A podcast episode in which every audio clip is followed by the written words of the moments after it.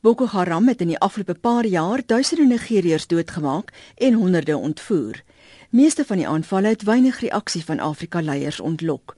Amnesty Internasionaal het die onlangse aanval in Baga as katastrofies en die grootste en mees vernietigende nog beskryf. We believe that on the basis of evidence we have, this is probably one of the deadliest attacks by Boko Haram against civilians.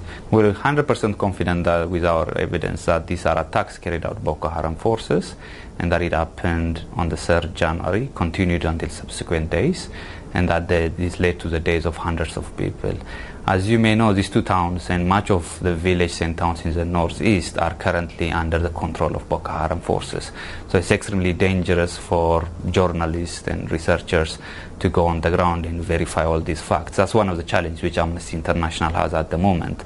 Know, the figures, you know, coming up with the precise figures of casualties has become virtually impossible given that these areas are still inaccessible let alone uh, for researchers, but even for government forces. Uh, Boko Haram still is very much in control. In Kenia is die inwoners besorg oor die gebrek aan reaksie van Afrika en die internasionale gemeenskap oor Boko Haram se optrede.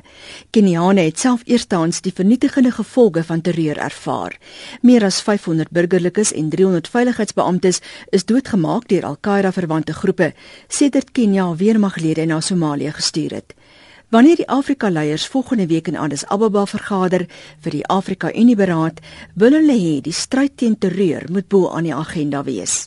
I think the issue of Nigeria is almost going out of proportions and I think it should be addressed as an African even the national issue because it is going out of proportions. I would like them to come up with a unified solution because terrorism is terrorism, and nobody, can, no single nation can fight it single-handedly. They all have to work on it on a unified basis. This is the most important thing. They have to take security in their hands, and they have to be very, very serious about security. One thing that I would love to hear is a decisive action taken by these leaders, not just mere rhetorics. Two, they should look at the reason. What is causing terrorism?